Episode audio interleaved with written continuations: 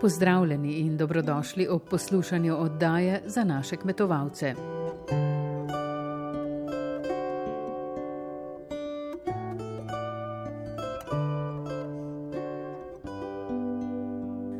Današnjo oddajo bomo začeli v Pomorju, nadaljevali na Ptuju, se ustavili v slovenskih gozdovih, poklepetali s pionirjem z področja izdelave pametnih pasti za škodljivce z razdrtega, popotovanje pa bomo zaključili v Ljubljani, kjer ustvarjajo super krompir. Prepričana sem, da vam v naši družbi ne bo dolg čas.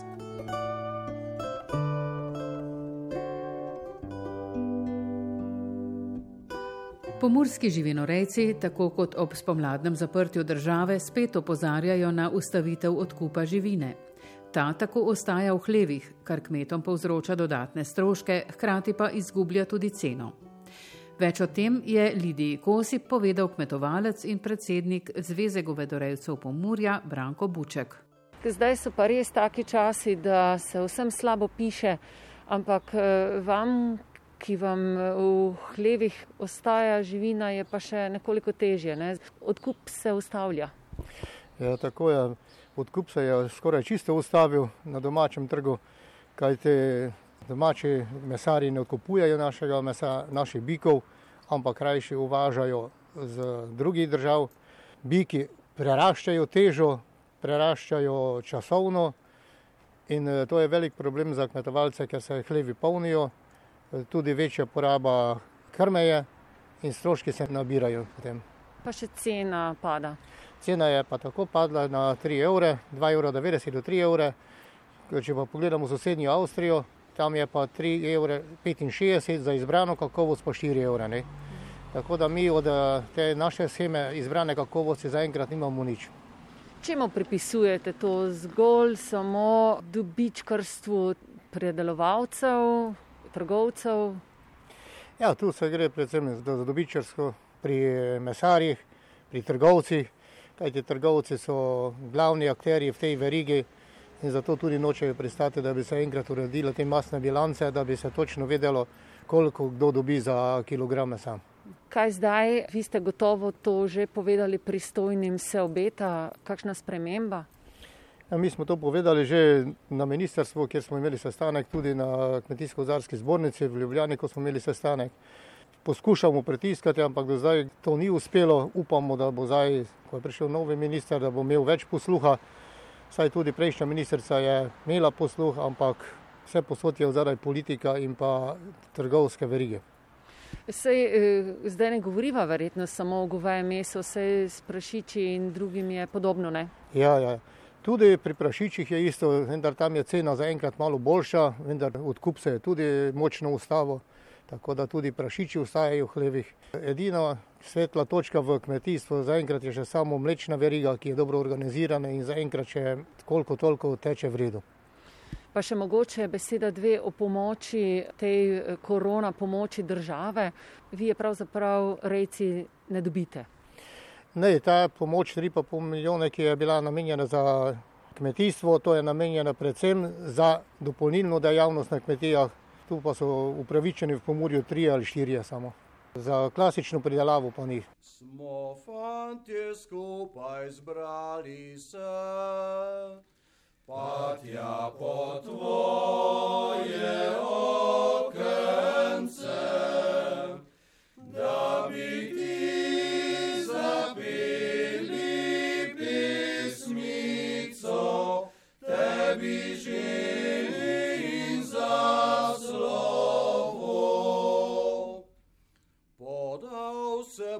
Zakonski stan, da bil bi srečno v njem peljan,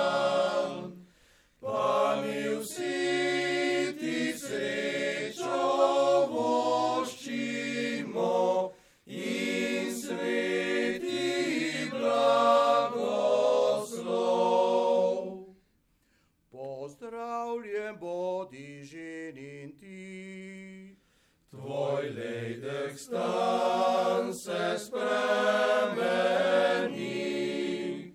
sibiu nas priate,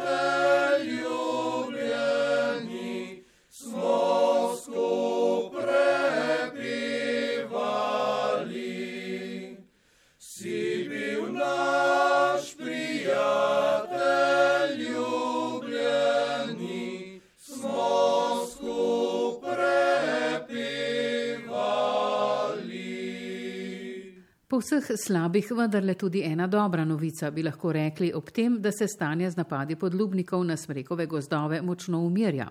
Še vedno pa ostajajo problematična tista območja, ki so jih v zadnjem času prizadele ujme. Pogovarjali smo se z Marijo Kolšek, vodjo službe za varstvo gozdov na Zavodu za gozdove Slovenije. Najslabša situacija je bila v letu 2016, ko je bilo zaradi podlubnikov treba posekati kar 2,3 milijona kubičnih metrov dreves, večinoma smreke. V letu 2018 se je potem situacija umirila, posekanih je bilo samo 0,7 milijona kubičnih metrov dreves, potem pa se je v lanskem letu so se podlubniki zopet prenamnožili, kar pa je bila posledica vetrolomov konec leta 2017 in 2018. V lanskem letu je bilo tako posekanih 1,3 milijona kubičnih metrov, vendar situacija ni podobna letu 2016, ko so bili podlubniki prenamnoženi na pretežnem delu Slovenije. V letu 2019 je prenamnožitev zajela predvsem območja poškodovana v teh vetrolomih 2017-2018. Situacija je bila tako pereča na kočevskem območju, na blejskem območju, na slovengraškem območju in pa v dolini reke Drave. V letošnjem letu se situacija umirja, vendar pričakujemo, da se bo prenamnožitev nadaljevala predvsem v slovenkraškem območju tudi naslednje leto. Pomembno je, da se po takih dogodkih, kot sta žledolom ali vetrolom, iz gozdov čim prej pospravi poškodovana drevesa, še posebej smreke. Zavod za gozdove je po teh vetrolomih spremljal, zagotavljal poseg poškodovanih dreves in pa nadziral tudi vse ogrožene gozdove zaradi podlubnikov. Lasnikom gozdov smo izdajali odločbe za sanitarni poseg. Podlubnike smo spremljali s kontrolnimi pasmi, s kontrolno-lovnimi nastavami. Dobrodošle so bile tudi delovne skupine za obladovanje podlubnikov, ki so bile oblikovane tako iz predstavnikov gozdarske inšpekcije Zavoda za gozdove Slovenije, slovenskih državnih gozdov, večjih lasnikov in tudi s predstavnikov lokalnih skupnosti. Taka skupina je bila oblikovana na blejskem območju. Pogovarjamo se tudi, da jo bomo oblikovali na slovengraškem območju.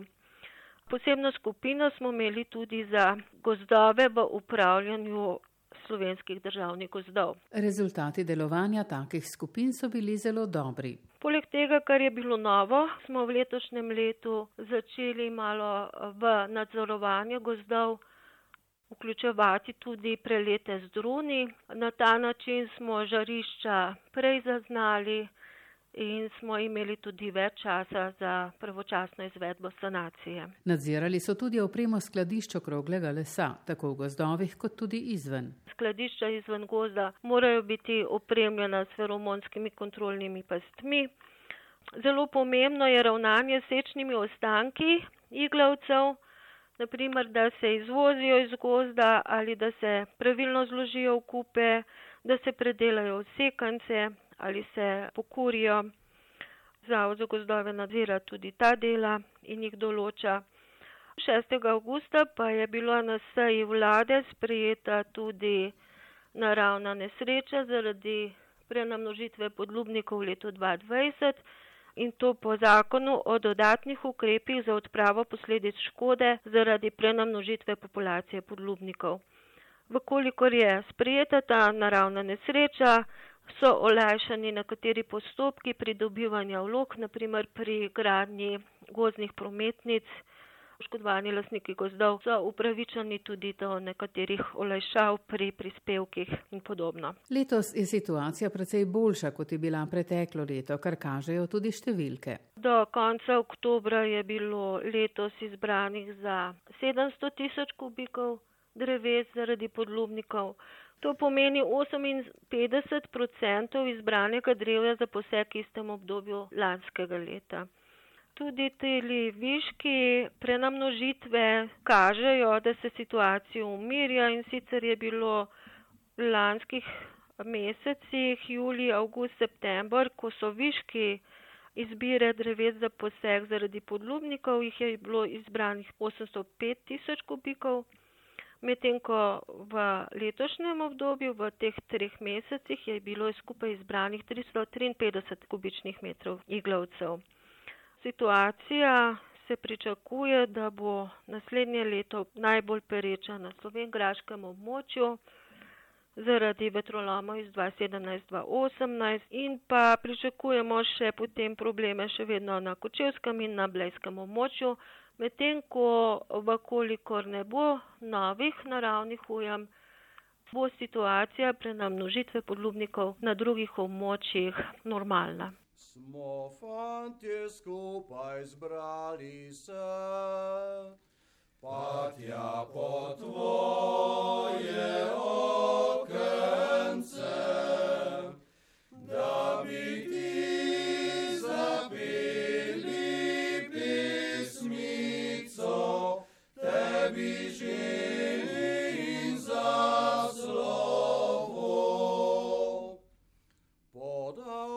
boš zakonski stan, da bil bi srečno v njem peljan,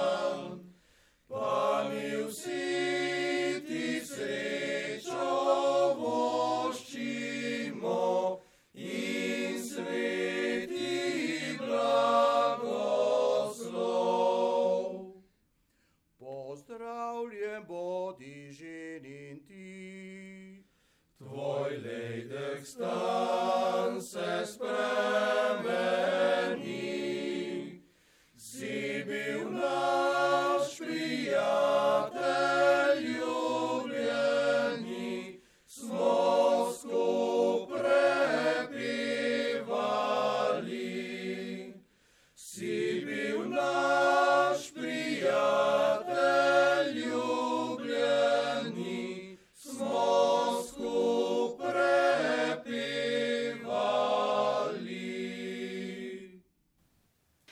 Vlada je marca letos, ko je Deželna banka prodala seminarno Ljubljana srpskemu podjetju Villager, iz te prodaje izuzela selekcijsko-poskusni center Ptuj, saj je v njem prepoznala strateški pomen za državo.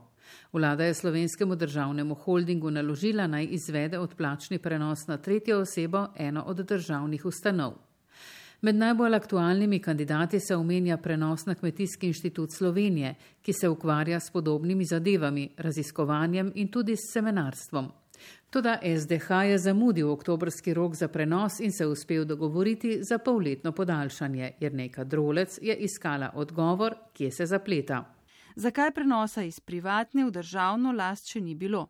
Ali drži, da ponovljena ocenjena vrednost naložbe ostaja podobna kot prva, ki je znašala 540 tisoč evrov in kateri je podaljšan rok, nam od SDH ni uspelo izvedeti. V pisnem odgovoru so zapisali, da se proaktivno vključujejo v postopek prenosa selekcijsko-poskusnega centra na Ptuju na državo in da časovnice za izvedbo postopka ne morejo komentirati, ker je odvisna od ravnanj več upletenih deležnikov. Med vsebinsko zainteresiranimi za prenos je kmetijsko ministrstvo.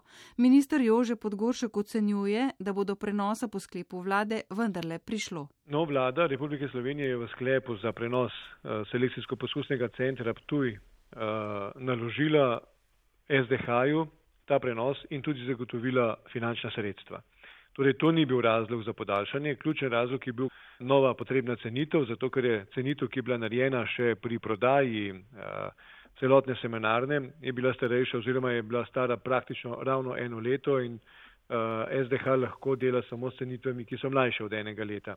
Pri tem se postavlja vprašanje, ali ni pravi razlog, da je prva cenitev potekla v tem, da ni bilo jasno, kdo, katero ministrstvo oziroma iz katere postavke naj država to plača. Še vedno ostaja to med pomembnimi strateškimi naložbami Republike Slovenije in tudi sredstva za prenos so še vedno zagotovljena v proračunu Republike Slovenije in tudi SDH je že dobil praktično tudi odobreno postavko za finančna sredstva za prenos.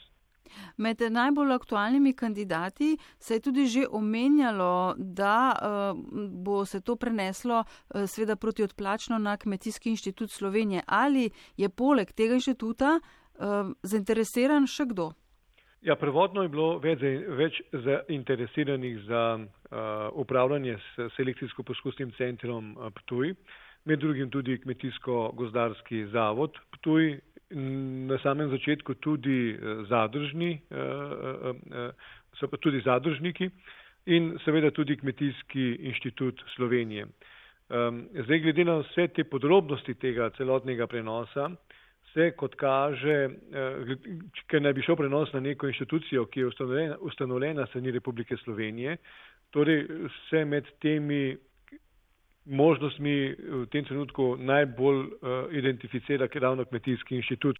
Tudi izvedbeni postopki prenosa še niso končani. Tudi ta zadeva je še vedno odprta. Ali bomo govorili prav o plasniškem prenosu, ali bomo govorili samo o, o prenosu upravljanja pa recimo, da ostane pod SDH-jem uh, uh, lasnina tega selekcijsko-poskusnega centra. Torej, obe dve opciji so še vedno odprti. Selekcijsko-poskusni center Ptuj, kjer za semensko pridelavo obdelujejo skoraj 39 hektarov zemljišč, je torej še v lasti semenarne Ljubljana in dela po njihovem naročilu za njihove potrebe. Že nekaj časa pa se mu obeta novo državno lasništvo. Kako poteka torej njihovo delo v takšnih negotovih razmerah? Vodja centra Darko Vernik kot prejšnja leta nadaljujemo pridelovanje semena, predvsem eh, pridelovanje semena slovenskih avtohtonih sort. Eh, te sorte so zelo pomembne za eh, nas slovence, kar so povezane z našo kulturo, z, našo, z našimi navadami in dejansko so naša naravna dediščina. Teh sort je nek, trenutno 83 in vse so pisane v sortni listi. Tako da, eh, če, bo, če mi ne bi te delali te vzdrževalne selekcije oziroma razmnoževanje tega semena, bi te sorte najverjetneje počasi šle v pozabo, predvsem pa ne bi bile dostopne širši javnosti na trgu se pravi tistim pridelovalcem, vrtičkarjem, ki želijo te sorte sajati in uživati njihove plodove. Pri žitih smo mogoče malo ukrnjeni, nekaj e, starih sort se je spet uživelo sicer, v strani kmetijskega inštituta, mi bolj delamo na področju vrtnin. Dejansko od teh 83 je 71 uh, sort uh, vrtnin, uh, nekaj imamo tudi polščin, med najbolj znanimi je slovenska golica, se pravi buč, oljna buča slovenska golica, ajda darja, potem še se vzdržujemo lucerne, ne, dve sorte lucern, pire in dve sorte prosa. To vzdrževanje seveda eh, pomeni, da eh, jih ne razmnožujete za, potem za široko prodajo semen, ampak um, samo najboljša semena vi pravzaprav, da se ne izrodijo. Ne? Ja, dansko res je. Mi da tu na Ptuju pridelujemo samo najviše vzgojne stopnje, se pravi tisto elitno seme, ki potem ga podjetja da naprej v razmnoževanje in potem tisto seme pakir, se pakira v značilne rdeče vrečke pod blagovno znamko semenarne. E, se pravi, na Ptuju upravljamo vzdrževalno selekcijo in brez tega našega semena tudi ni nadaljevanja eh, razmnoževanja tistega trgovskega semena, ki se potem pakira in prodaja na, v vrtnih centrih. No, vi ste bili nekako opredeljeni kot strateška naložba, ravno zaradi tega, ker v kriznih situacijah eh, je zelo pomembno, da ima neka država tudi lastno seme potem za hrano. Ja, jaz bi tudi tako rekel. Dejansko, eh, res je, da imamo veliko semen let, eh, do zdaj, eh, mislim, se uvaža, prihaja iz uvoza. Vendar v kriznih časih, recimo en dober primer je tudi ta letošnji, se določene države tudi zapirajo, predvsem mislim za tujino. Ker vsak bo najprej sebi naredil hrano, Eh, potem bo pa izvažal, če bo, če bo imeli viške. Ne? Od tega smo pa potem tudi sami odvisni. Če imamo pridelavo svoje hrane, je tudi smiselno, da imamo pridelavo svojega semena. Darko Vernik vidi potencial za razvoj novih sort še naprej. V Sloveniji še kar nekaj skritih takih genskih virov semen, ki jih vzdržujejo mogoče posamezne družine in to kroži mogoče v lokalnem okolju so pa zanim, zanim, sorte zanimive eh, in koristne seveda tudi za širšo javnost. Eh, pa škoda bi bilo, da bi se to potem tam izgubilo oziroma pozabilo. Zato smo tudi tu na selekcijskem centru na Ptuju v zadnjih letih kar, kar nekaj čez 20 vpisali na novo, nekaj čez 20 sort in dejansko vse te sorte bolj ali manj imajo izvor iz slovenskega prostora, se pravi, prihajajo tisti viri iz slovenskih vrtov in pol. Selekcijsko-poskusni center Ptuj razpolaga z dokaj zastarelo mehanizacijo, že dolgo je v načrtu namakalni sistem. Semenarna kot lasnik v nove tehnologije ni investirala. V selekcijsko-poskusnem centru upajo, da se bo z ureditvijo novega lasništva odprla možnost prijavljanja na razpoložljive razpise za razvoj, ki jim v okviru obstoječega podjetja ni dana.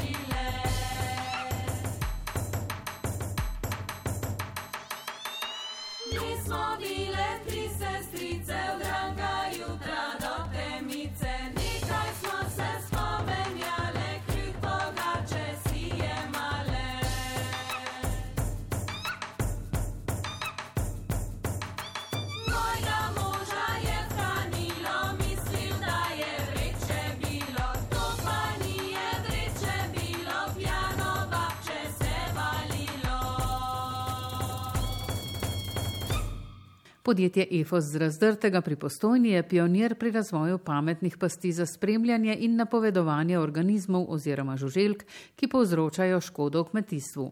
Gre za sistem, ki zna, na primer, prepoznati in napovedati, kdaj se bodo v sadju in zelenjavi pojavili črvi. Zaenkrat sodelujejo predvsem z večjimi pridelovalci in sistemi, v prihodnem letu pa se bodo skušali približati tudi manjšim, pravi direktor in soustanovitelj podjetja Matej Štefančič, ki nam je najprej pojasnil, kako pravzaprav sistem deluje. Deluje tako, da je najprej potrebno imeti dober zajem podatkov, zaradi tega imamo pasti, vabe, ki so na terenu ki lovijo te žužke, ponavadi gre za, za nočne metulje, v kakšnih primerjih tudi sadne muhe. In potem se te žuželke ulovijo v samo napravo, noter so pa tudi kamere, ki poslikajo, kaj se je ulovilo in to prek mobilnega omrežja pošljajo na strežnike, kjer se te slike obdelajo, prepozna se, koliko je tistih žuželjk, ki jih iščemo in to potem so vhodni podatki za razne algoritme strojnega učenja, ki znajo napovedati, kako se bo ta populacija obnašala v prihodnosti, se pravi, ali bomo imeli teh žuželjk več, manj in tudi v kateri razvojni fazi bodo, se pravi, ali bodo jajčeca, ali bodo majhne ličinke, večje ličinke in tako naprej do, do takrat, ko se spet razvijajo odrasle žuželjke. Samo privabljanje je narejeno na enak način kot pri klasičnih vabah. Največkrat gre za feromon. V primeru kakšnih sadnih muh je dosti krat tudi kombinacija feromona in privabila na osnovi hrane oziroma samega vonja. So pa tudi primeri, ko privabljamo s pomočjo barve ali svetlobe, ampak v največji meri so pa feromoni tisti, ki zagotavljajo to privabilo in tudi v veliki meri določeno selekcijo, se pravi, da privabimo samce tistih vrst, ki jih iščemo. Sistem se krmili računalniško in kako se pravzaprav z njim upravlja? Za končnega uporabnika ni nobenega dela, zato ker ponavadi tudi za samo inštalacijo in vzdrževanje poskrbimo mi.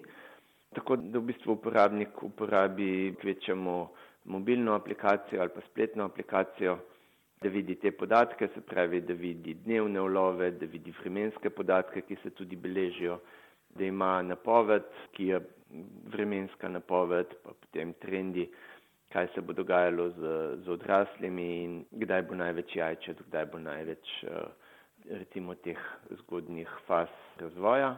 Pa še en pomemben način samega pridobivanja teh informacij je, da uporabniki dobijo zjutraj dnevna oziroma tudi tedenska poročila, to pa pride prek eh, elektronske pošte v obliki PDF fajla, kjer so pač tako in splošen pregled, se pravi neke vrste dashboard in seveda potem tudi vsi podrobni podatki in če pa hoče uporabnik vedeti več, se pa prijavi potem v, v samo aplikacijo in naprej raziskuje.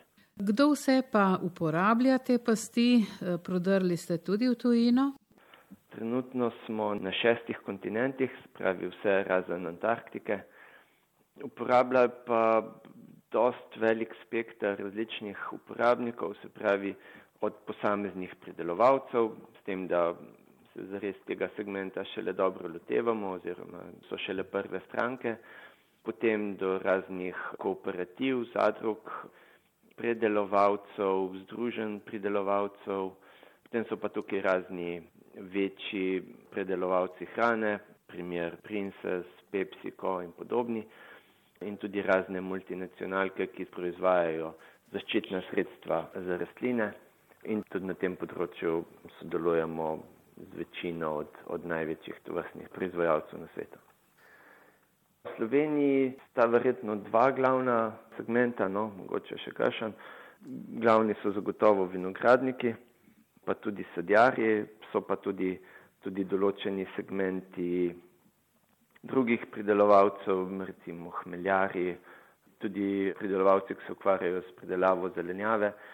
Seveda so pa vsaj v Sloveniji razmeroma majhni in precej razdrobljeni in v takih primerjih je težje postaviti neko mrežo, ki pokriva recimo celotno dolino ali pa, ali pa širšo regijo in kjer se potem lahko posamezni pridelovalci vključijo v to mrežo, ki, ki je že vzpostavljena ali pa se bo vzpostavljala v naslednjem letu.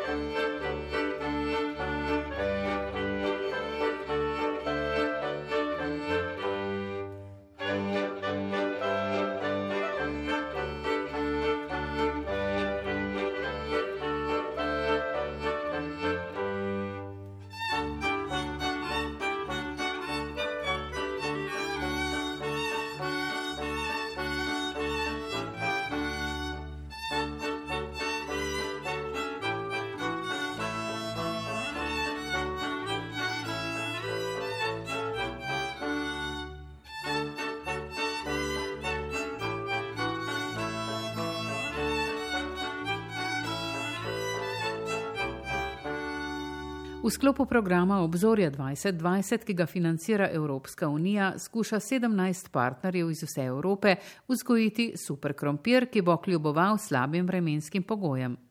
Med njimi je tudi skupina raziskovalcev z Nacionalnega inštituta za biologijo, ki jo vodi profesorica dr. Kristina Gruden.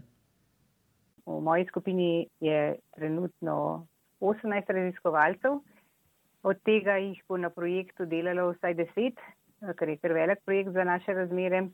Imamo pa zelo različne profile, od biologov do biotehnologov, biokemikov, farmacevtov, pa tudi do inženirjev, elektroinženirjev, matematikov, informatikov. Tako da poskušamo pokrivati tako bolj biološki del, kot tudi računski del, da lahko obdelujemo podatke, ki jih zgeneriramo znotraj tako velik, velikih projektov. V tem projektu se bomo ukvarjali s tem, da bomo poskušali najti, kako se bo krompir lahko boljši zoprstavil podnebnim spremembam, ki jih pričakujemo v naslednjih desetletjih.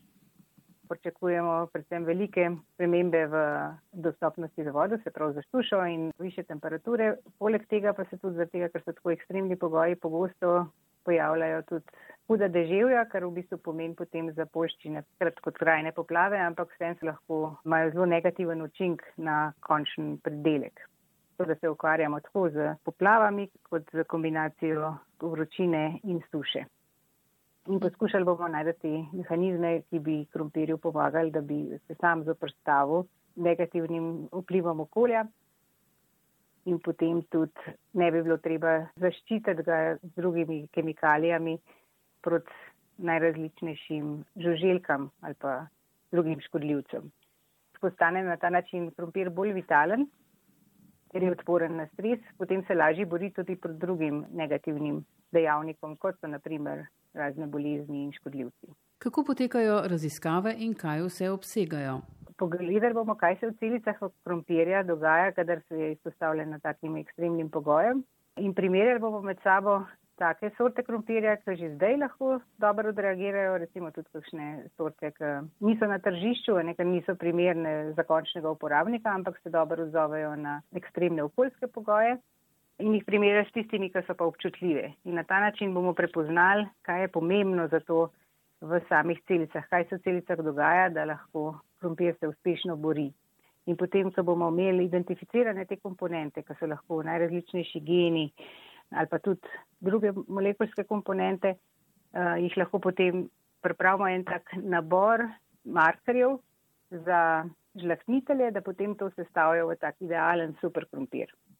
Poskusili bomo vse tiste lastnosti, ki jih imajo odporni krompiri, združiti z lastnostmi, ki so zelo uh, dobre tudi za končnega uporabnika, se pravi, da bodo lahko imeli kmetje na njivah krompir, ki bi dobro tudi v suši uspeval, hkrati bo pa tudi odličen za pire krompir ali pa za pecen krompir, za kar se boste odločili. Projekt so začeli izvajati septembra, trajal pa bo štiri leta. Da smo čist na začetku, združujemo vse podatke, ki jih že imamo, ker znajo žlahnitari, ker znamo po različnih univerzah in inštitutih in pripravljamo ta začetna omrežja znanja, ki nam bodo potem pomagala, ko bomo tudi svoje poskuse delali, ker bomo delali poskuse na poljih, poskuse pa tudi v kontroliranih pogojih v laboratoriju in potem bomo iz vsega tega se lahko veliko naučili s tem sestavljanjem znanja in bomo potem to znanje predali žlahniteljem krompirja. Na vsak način pa tu ne gre za gensko spremenjen krompir. Ne, tukaj smo se prav temu izognili, ker bomo pač eh, izhajali iz genetskega pula krompirjev, ki že obstajajo, ne samo sestavili jih bomo tako, da bomo dobili najboljše možne rezultate. Nam ne bo potrebno v bistvu eh, uporabljati genskega inženiringa, ker lahko z klasičnim žlahnenjem, samo malo bolj usmerjenim, ne, da spremljamo, kateri geni gredo pri kakšnem križanju iz enega krompirja na drugega, se lahko hitreje pride do take sorte, ki jo želimo. Ni pa tukaj nobenih genskih modifikacij.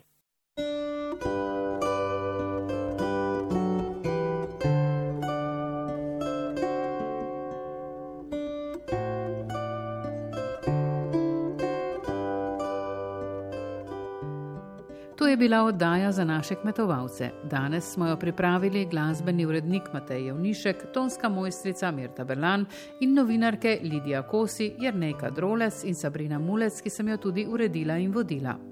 Lep in čim bolj zdrav konec tedna želimo. thank you